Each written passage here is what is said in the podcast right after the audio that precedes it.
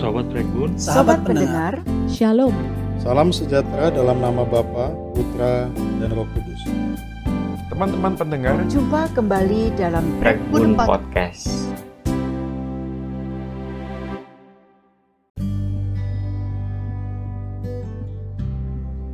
Teman-teman pendengar, kita sampai di episode terakhir dari seri Mazmur 23. Mari kita berdoa dan memohon tuntunan Tuhan sekali lagi untuk mengerti kebenaran firman-Nya. Tuhan Gembala kami yang baik, kami bersyukur untuk segala tuntunan-Mu. Kami bersyukur untuk sekali lagi kesempatan yang Tuhan beri untuk merenungkan firman-Mu. Beri kami pengertian dan beri kami hati yang terbuka untuk mau dikoreksi dan dibaharui melalui firman-Mu, ya Tuhan. Di dalam nama Yesus Kristus Tuhan dan Gembala kami, kami berdoa. Amin. Mazmur 23 ayat 5 dan 6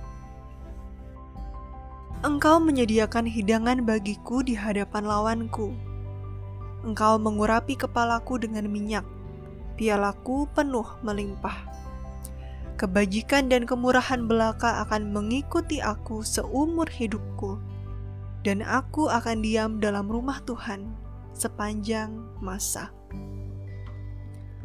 Teman-teman pendengar di sepanjang seri ini kita terus-menerus diingatkan bahwa sesungguhnya kita adalah domba yang sangat membutuhkan tuntunan sang gembala. Bagaimana domba yang lemah itu dituntun oleh sang gembala, dicukupkan kebutuhannya, disegarkan, dan dilindunginya. Menarik bahwa dua ayat terakhir dari perikop ini agaknya tidak lagi bicara soal domba dan gembala, melainkan sebuah jamuan pesta, di mana Tuhan sendiri yang menjadi tuan rumahnya.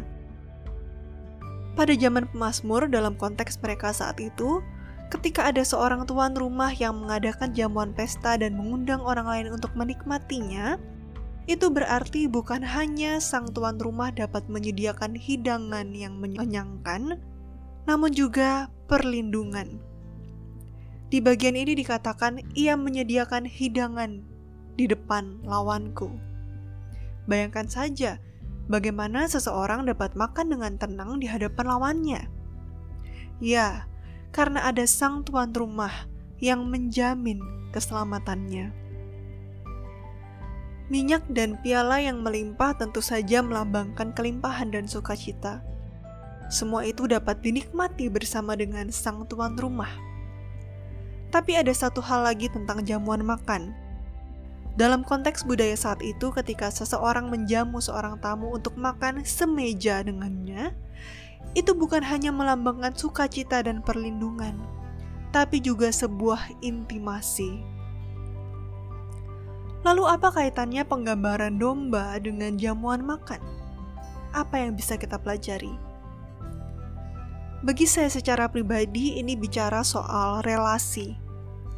Seperti domba dan gembala, kita adalah domba yang sangat membutuhkan tuntunan sang gembala bahwa pemazmur dan juga setiap kita digambarkan seperti domba yang lemah, bodoh, tidak punya pertahanan diri dan penakut yang diperhadapkan dengan tanah tandus dan lembah kelam.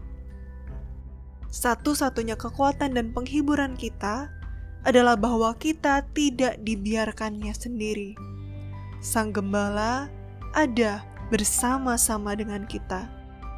Ia menjaga, menyediakan, mencukupkan, menuntun, ia beserta dengan kita. Berjalan bersama dengan sang gembala bukan berarti tidak ada tantangan. Ditulis dengan jelas ada lembah kelam, ada perjalanan menuju air yang tenang dan rumput hijau, bahkan ada lawan di sekitar kita. Melewati tanah tandus dan lembah kelam, ia giring kita ke padang rumput hijau dan air yang tenang. Tapi sekali lagi penghiburan kita bukan pada padang rumput hijau dan air tenang, melainkan pribadi sang gembala itu sendiri yang sangat bisa dipercaya. Sang gembala yang tahu bagaimana menjaga domba-dombanya, baik di saat kering maupun kelimpahan. Maka pemazmur mengatakan, sekalipun aku berjalan dalam lembah kelam, aku tidak takut bahaya, karena ia tahu pada siapa ia percaya.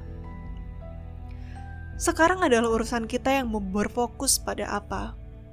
Pada tantangan yang ada di depan, atau pada undangan untuk menikmati intimasi, kelimpahan, dan sukacita yang Tuhan sediakan bagi kita.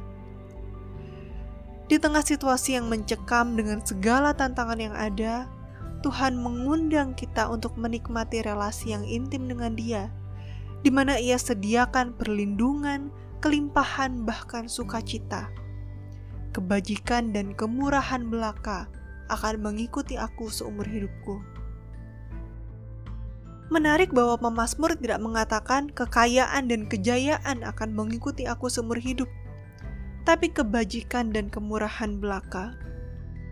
Karena sesungguhnya kepuasan kita bukan terletak pada ke kejayaan, kekayaan, kesehatan, masalah yang selesai dalam sekejap mata, tapi pada segala hal yang baik yang Tuhan rancangkan dan kasih karunia Allah, kemurahan Allah yang Ia sediakan bagi kita.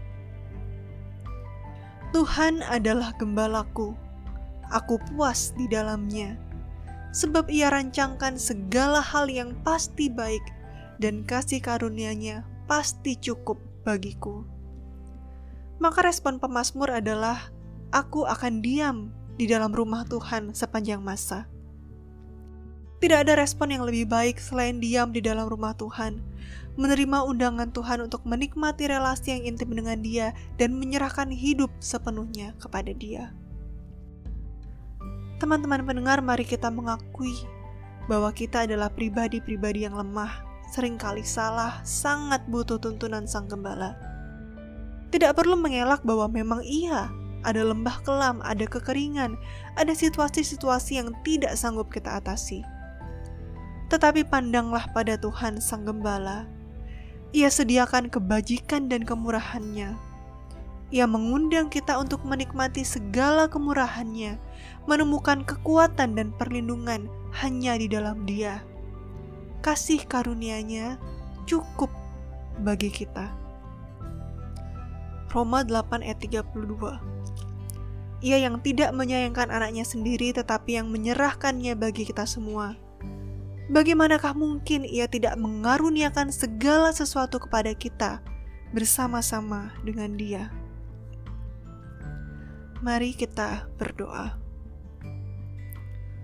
Tuhan gembala kami yang baik, kami menyadari bahwa kami lemah dan payah. Tapi kami bersyukur bahwa Engkau beserta dengan kami. Tuhan, gembala kami yang baik. Biarlah kebajikan dan kemurahan-Mu itulah yang menyertai setiap langkah kami.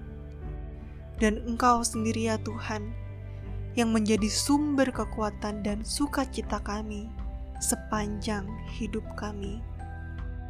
Dalam nama Yesus Kristus, Tuhan Gembala kami, kami berdoa. Amin.